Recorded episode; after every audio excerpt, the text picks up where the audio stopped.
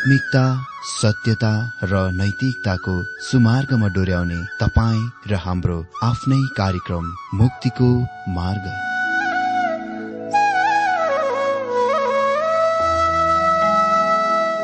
आदरणीय श्रोता यस मुक्तिको मार्ग कार्यक्रममा हार्दिक स्वागत छ।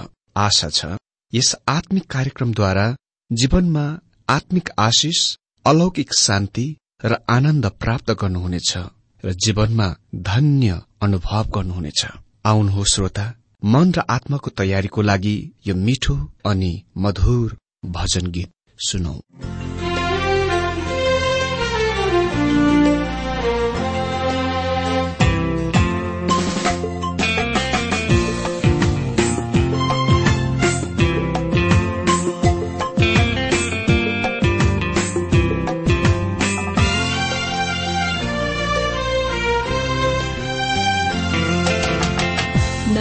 तिमी यो संसारमा। एक्लो बेसहारा छु भनी। नरुनु तिमी एक्लै अन्धारोमा। तिम्रो भाग्यलाई सम्झी।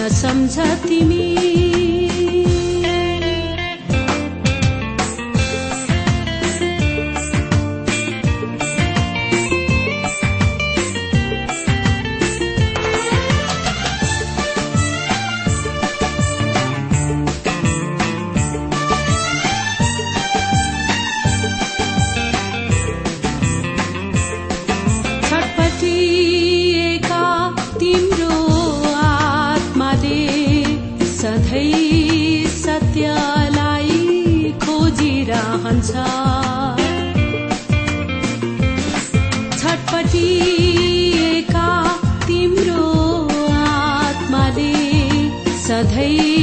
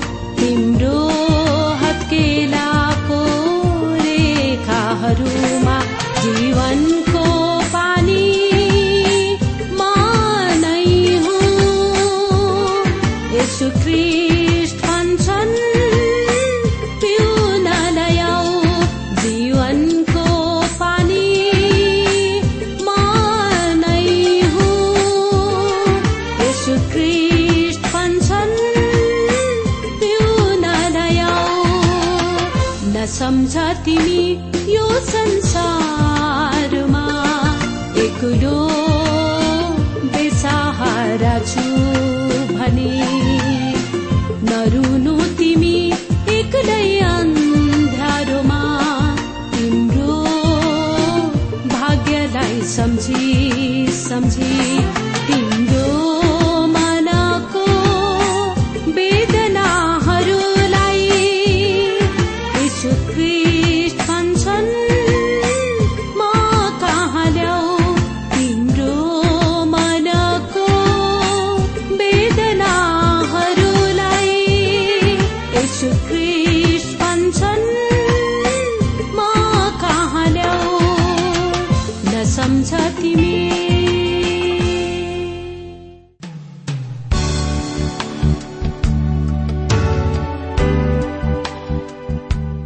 श्रोता यो प्रसारण मार्फत यो अवगत गराउन चाहन्छौ कि प्रभुको सेवाको लागि यहाँहरूको साझेदारी नित्यन्त आवश्यकता छ।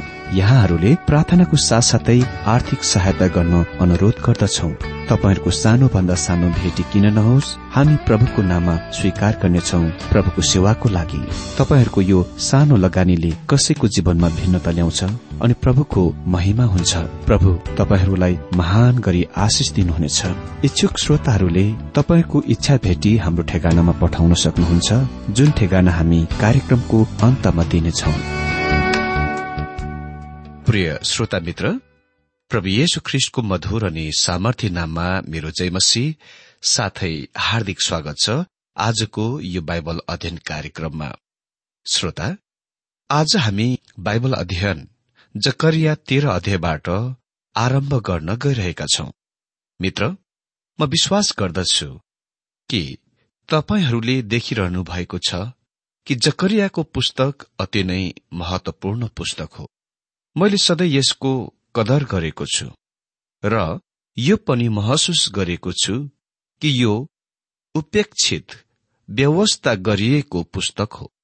हरेक पल्ट जब म यस पुस्तकमा अध्ययन गर्दछु म केही नयाँ कुरा पाउँदछु।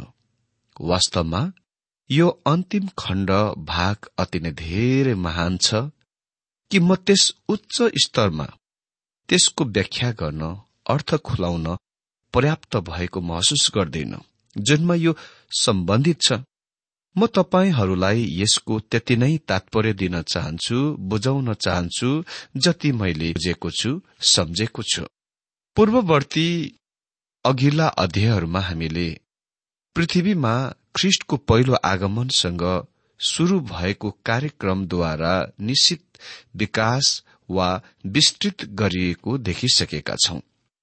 त्यस समयमा उहाँ गधामा सवार गर्नु भएर यरुसलेममा प्रवेश गर्नुभयो र उहाँलाई चाँदीका केही सिक्काहरूमा बेचिनुभयो। जकरियाको भविष्यवाणीका त्यो भाग मात्र उहाँको पहिलो आगमनमा पूरा गरिएको थियो। जुनले संकेत गर्दछ अर्को भाग चाहिँ उहाँको दोस्रो आगमनमा पूरा हुनेछ। उहाँलाई असल गोठालाको रूपमा इन्कार गरियो अस्वीकार गरियो जसले आफ्ना भेडाको लागि जीवन दिनुभएको थियो। अर्को चाहिँ भविष्यमा आउनुपर्नेछ। त्यो अहिलेसम्म आएको छैन र त्यो पृथ्वीबाट मण्डली चर्च नहटाइन्जेलसम्म प्रकट हुने छैन। त्यो झुट्टा गोठाला हुनेछ जसले इसरायलको राष्ट्रलाई साथै विश्वलाई महाक्लेश अवधितिर डोर्याउनेछ। त्यस समयमा केवल छुटकारा चाहिँ पृथ्वीमा ख्रिष्टको दोस्रो आगमनद्वारा मात्र हुनेछ जब उहाँ आफ्नो राज्य स्थापन गर्न आउनुहुनेछ। उहाँ एक्लैले मात्र यो पृथ्वीमा शान्ति ल्याउन सक्नुहुन्छ। आज विश्वका लिडरहरू संयुक्त राष्ट्र संघ विश्वमा शान्ति ल्याउन प्रयत्न गरिरहेको छ। तिनीहरूले सालौंदेखि यो प्रयास गरिरहेका छन्। तर हामी तिनीहरूले यसमा सफल भएको देखेका छैनौ।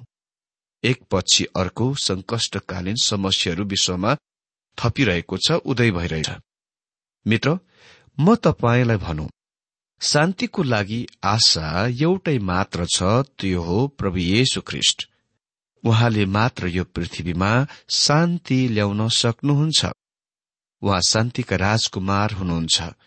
उहाँसँग स्थायी चिर शान्ति ल्याउने योजना र कार्यक्रम छ। उहाँले पृथ्वीमा स्वर्गीयको राज्य स्थापन गर्नु हुनेछ। श्रोता भविष्य वक्ताहरू विशेष गरेर जकरियाले केही विषयमा केही विवरणमा यो कार्यक्रम र योजनाको स्पष्ट गर्दछन्। अरू शास्त्रका पुस्तकहरूमा जस्तै यो पुस्तकमा हामी त्यस राज्यको केही चरित्र वा विशेषताको पाउँदछौ।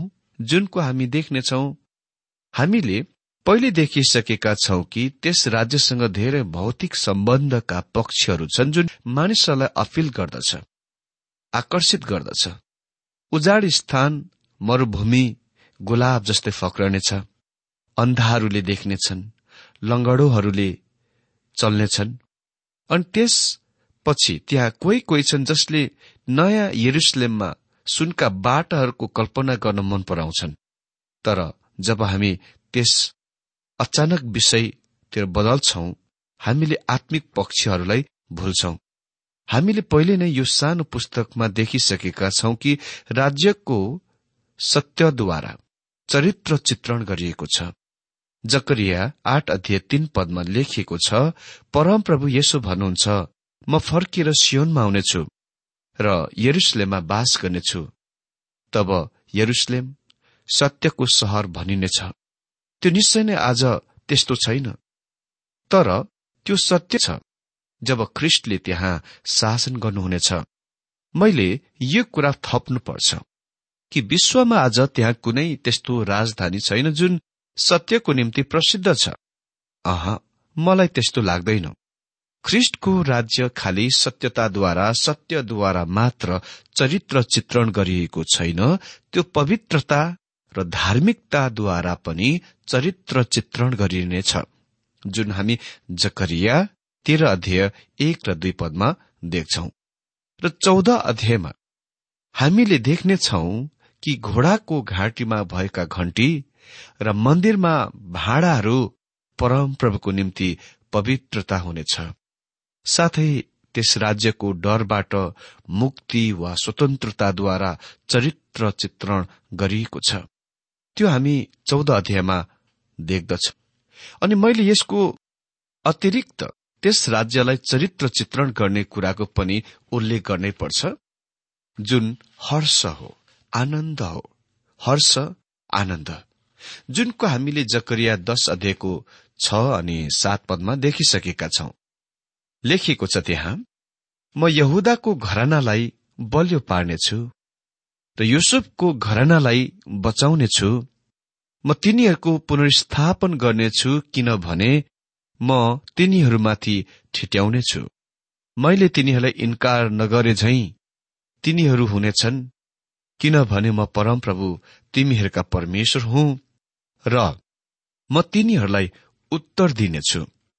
इफ्राइमीहरू चाहिँ शक्तिशाली हुनेछन् र दाग मध्य खाएर खुसी भए झै तिनीहरूका हृदय हुनेछ। तिनीहरू छोरा छोरीहरूले त्यो देखेर रमाहट गर्नेछन्।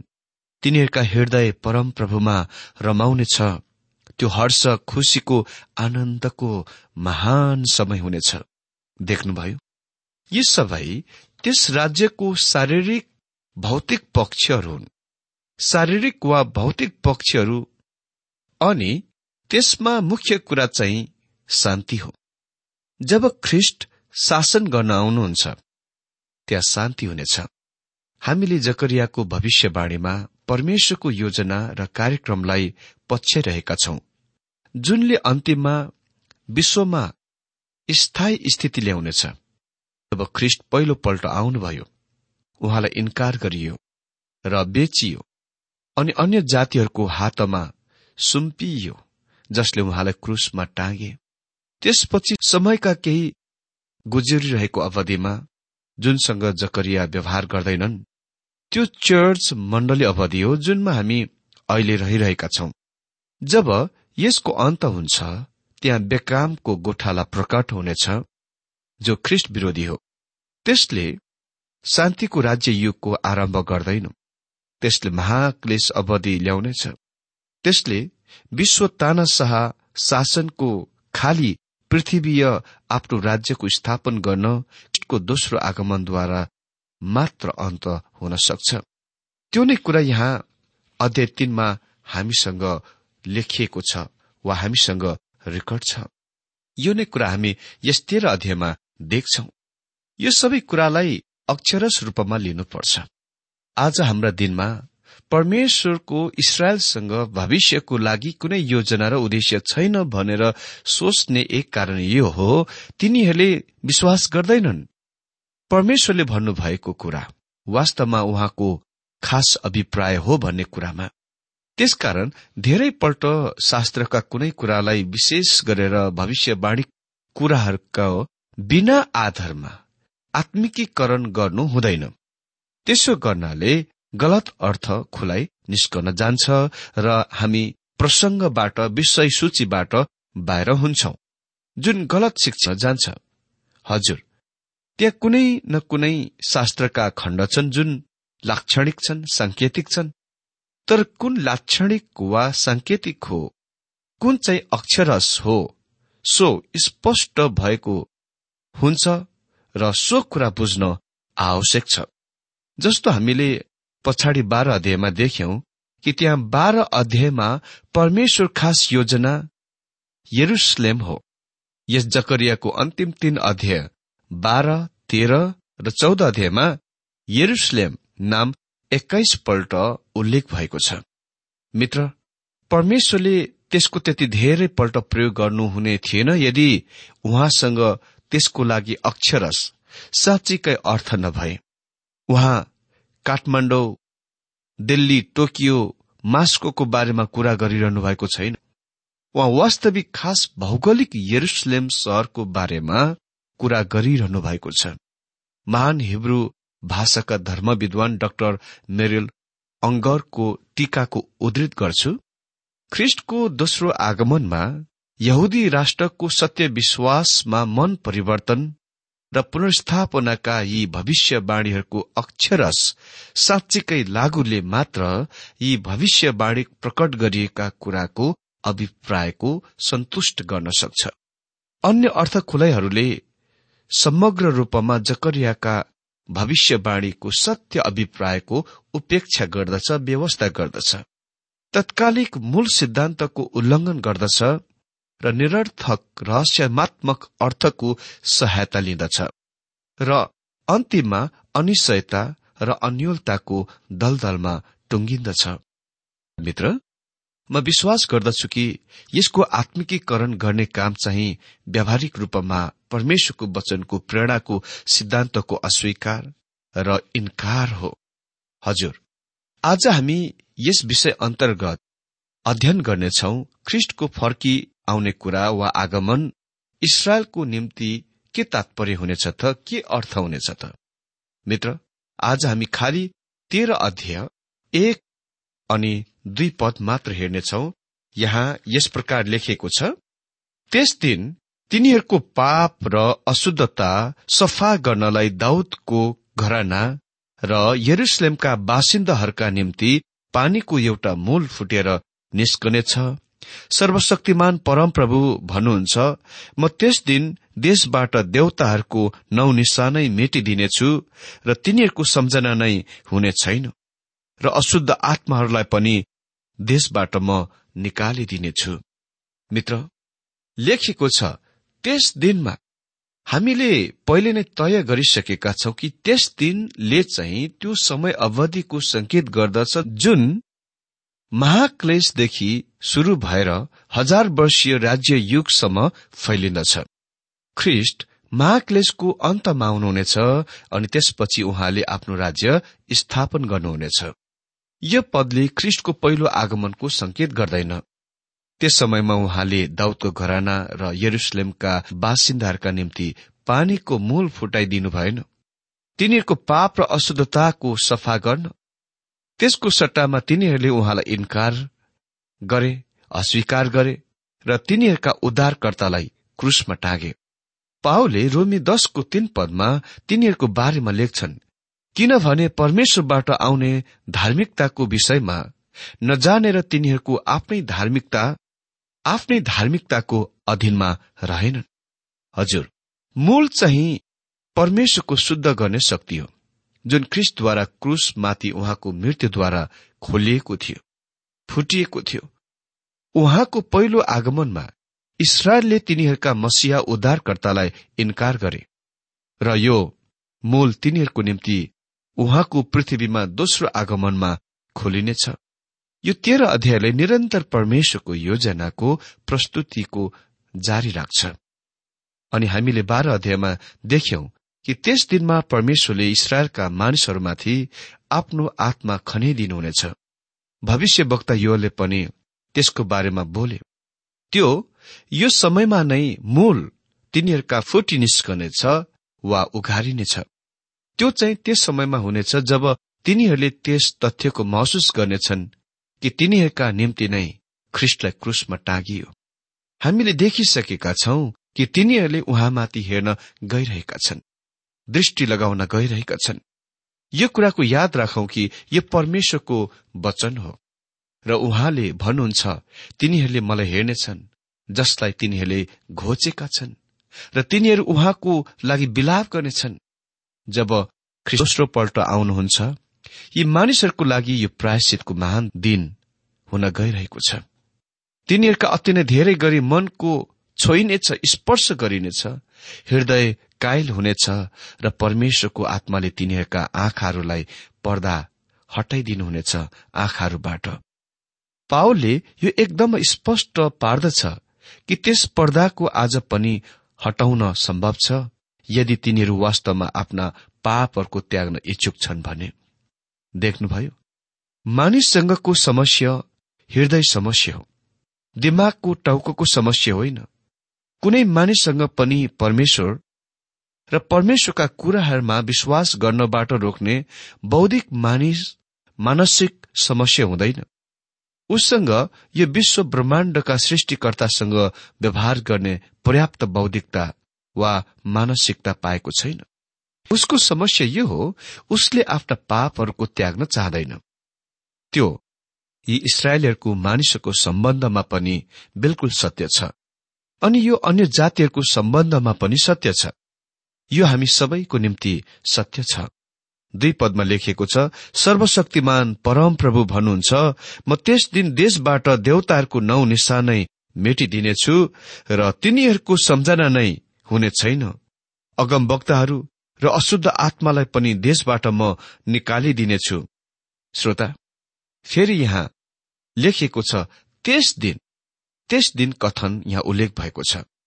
म त्यस दिन देशबाट देवताहरूको नौ निशा नै मेटिदिनेछु वा देशबाट देवताहरूलाई निकालिदिनेछु। जब तिनीहरू बेबिलोनमा कैदी भएर गएका थिए तिनीहरूले प्रतिमा पूजा त्यागे जुनको तिनीहरू अघि वा पहिले अभ्यास गर्ने गर्थे। सुनका बाछाका प्रतिमाहरू पछि कति पनि दान र वर्षेवामा खड़ा गरिएको थिएन। तैपनि तिनीहरूले अझै सानो घरायसी घरको कुल देवताको प्रतिमा टराफिमको प्रयोग गरिरहेका थिए।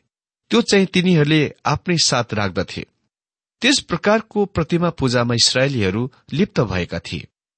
उही समयमा तिनीहरू यहुदी धर्महरूका पालन पनि गर्दथे। श्रोता यहाँ लेखिएको छ अगम वक्ताहरू र अशुद्ध आत्माहरूलाई देशबाट म निकालिदिन्छु। मा यहाँ उल्लेखित भविष्य वक्ताहरू निश्चय नै झुटा भविष्य वक्ताहरू थिए। अनि अशुद्ध आत्माहरूले चाहिँ दुष्ट आत्मा प्रेत आत्माहरूको संकेत गर्दछ हामी त्यस्ता दिनमा रहेका छौं जहाँ प्रेत दुष्ट आत्माहरू धेरै सक्रिय छन्। तिनीहरू शैतानको नेतृत्वमा आफ्नो काम जोडतोडले गरिरहेका छन् र तिनीहरूका क्रियाहरूको नतिजाहरू र परिणामहरू आज हाम्रो सामुन्य प्रकट भएका छन्। त्यसले कसरी मानव जातिलाई आफ्नो जकडमा ल्याएको छ? कसरी त्यसले मानव हृदयलाई पाप अधर्म युद्ध हत्या बलात्कारले भरिदिएको छ? कसरी जवान जवानीलाई विभिन्न खराब लतमा हालिरहेको छ? कसरी त्यसले मानवका दिल दिमाग मस्तिष्कलाई दूषण गरिरहेको छ? ओ मित्र तिनीहरू आज एकदमै छन्। त्यसकारण त एफिसी छ अनुसार हामीले विश्वासको सारा हात हतियारहरूको धारण गर्नै पर्छ। हामी आत्मिक युद्धमा छौं। अमित्र यो अनुच्छेद अति नै धेरै महत्वपूर्ण भएको एक कारण यो हो कि यो हजार वर्षीय राज्य अवधिमा यो पृथ्वीबाट दुष्ट आत्माहरूलाई निकालिदिने कुराको बताउँछ। प्रकाशको पुस्तकले झुटा अगमवक्ताहरू र ख्रिष्ट विरोधीलाई पृथ्वीबाट निकालिने कुराको बताउँछ। प्रकाश उन्नाइस अध्यायको दश पदमा लेखेको छ अब त्यो पशु र त्यसको उपस्थितिमा अचम्म काम गर्ने झुटो अगमवक्ता पक्राउ परे। यी अचम्मका कामहरूद्वारा त्यस झुटो अगमवक्ता दुवै पक्राउ परे यी अचम्मका कामहरूद्वारा त्यस झुटो अगमवक्ताले त्यस पशुको छाप लिने र त्यसको मूर्तिमा पू गर्नेहरूलाई भकाएको थियो। यी दुवै जाति रहेको गन्धकको अग्निकुण्डमा जिउँदै फालिए। यी दुवै जलिरहेको गन्धकको अग्निकुण्डमा जिउँदै फालिए। अनि प्रकाश दश अध्याय एकदेखि तीन पद अनुसार सैतान हजार राज्य अवधिको लागि कैद गरियो। यसरी हामी जान्दछौ झुटा अगमवक्ताहरू र ख्रिस्ट विरोधी आगोको भट्टीमा कुण्डमा हुनेछन् र शैतानलाई अघात पिदमा हालिनेछ। श्रोता प्रकाशको पुस्तकमा दुष्ट आत्माको अन्तिम फ्याँकिने कुराको बारेमा केही पनि बताइएको छैन। तर यो विश्वास गर्न तर्कसंगत छ कि यो यसै समयमा फ्याँकिनेछ र तिनीहरूलाई एक स्थानमा वा अस्थानमा राखिनेछ हालिनेछ। कमसे कम हामी जान्दछौ तिनीहरू पृथ्वीबाट निकालिनेछन्। तपाई सोच्नुहुँदो एकपल्ट मानिस प्रतिमा पूजाबाट र त्यस अभ्यासबाट मुक्त गराएपछि तिनीहरू त्यसमा फेरि वापस फर्की जाँदैनन् तर मित्र यो कति पनि सत्य होइन। अरू त के? आज ख्रिस्टलाई जान्ने पश्चिमेली मुलुकहरू यस अभ्यासको दिशातिर बढ़िरहेका छन्। कारण चाहिँ परमेश्वरको वचनको ज्ञानको अभाव हो। कमी हो। अनि यो नै आज पश्चिमेली मुलुकहरूमा पनि तन्त्र मन्त्रहरूमा झुकाउको लागि स्पष्टीकरण हो। परमेश्वरको वचनको अज्ञानताले तन्त्र मन्त्र रहस्य धर्मलाई शक्ति दिन्छ अवसर दिन्छ। अनि त्यसको फन्दामा मानिसहरू सिधै पर्छन्।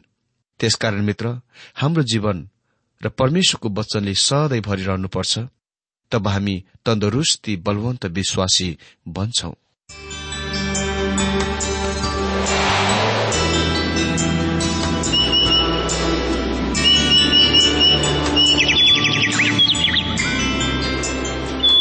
प्रिय श्रोता अहिले भर्खरै तपाईँले टीडब्ल्यूआर नेपालद्वारा सञ्चालित आत्मिक कार्यक्रम मुक्तिको मार्ग सुनिरहनु भएको थियो। श्रोता आजको यो कार्यक्रम सुनेर तपाईँलाई कस्तो लाग्यो? यदि यो कार्यक्रम सुनेर मनमा कुनै खुल्दुली वा कुनै प्रतिक्रिया अर्थात सुझावहरू छन् भने हामीलाई पत्रद्वारा लेख्न सक्नुहुनेछ। हामी हृदयदेखि नै स्वागत गर्नेछौ स्वीकार गर्नेछौ साथै बाइबल सम्बन्धित प्रचारहरू कार्यक्रम सारणीहरू हामी अनुरोधमा पठाउन सक्छौ। अनि तपाईँसँग कुनै प्रार्थनाको विषय छन् भने हामीले तपाईँको लागि प्रार्थना गरेको चाहनुहुन्छ। छ भने प्रभुमा आफ्नै परिवार सम्झेर हामीलाई पत्रमा लेख्न सक्नुहुनेछ। तपाईँको लागि हामी प्रभु येशुसँग प्रार्थना गर्नेछौ। अधिक जानकारी र पत्रचारको लागि हाम्रो ठेगाना यस प्रकार छ। कार्यक्रम मुक्तिको मार्ग जीपीओ नम्बर उनानब्बे पचहत्तर इपिसी पच्चिस एकसठी काठमाडौँ। ठेगाना एकपल्ट सुन्नुहोला कार्यक्रम मुक्तिको मार्ग जीपीओ नम्बर उनानब्बे पचहत्तर इपिसी पच्चिस एकसठी काठमाडौँ। हाम्रो इमेल एड्रेस हो TWR Nepal at Yahoo dot com साथै यस नम्बरमा एसएमएस गर्न सक्नुहुनेछ अन्ठानब्बे चार सत्तरी पैतिस छ सय उनासी नौ आठ चार सात जिरो तीन पाँच छ सात नौ। हुन्छ श्रोता आजलाई हामी विदा चाहन्छौ। अर्को कार्यक्रममा हामी पुनः भेट्नेछौ तबसम्मलाई नमस्कार।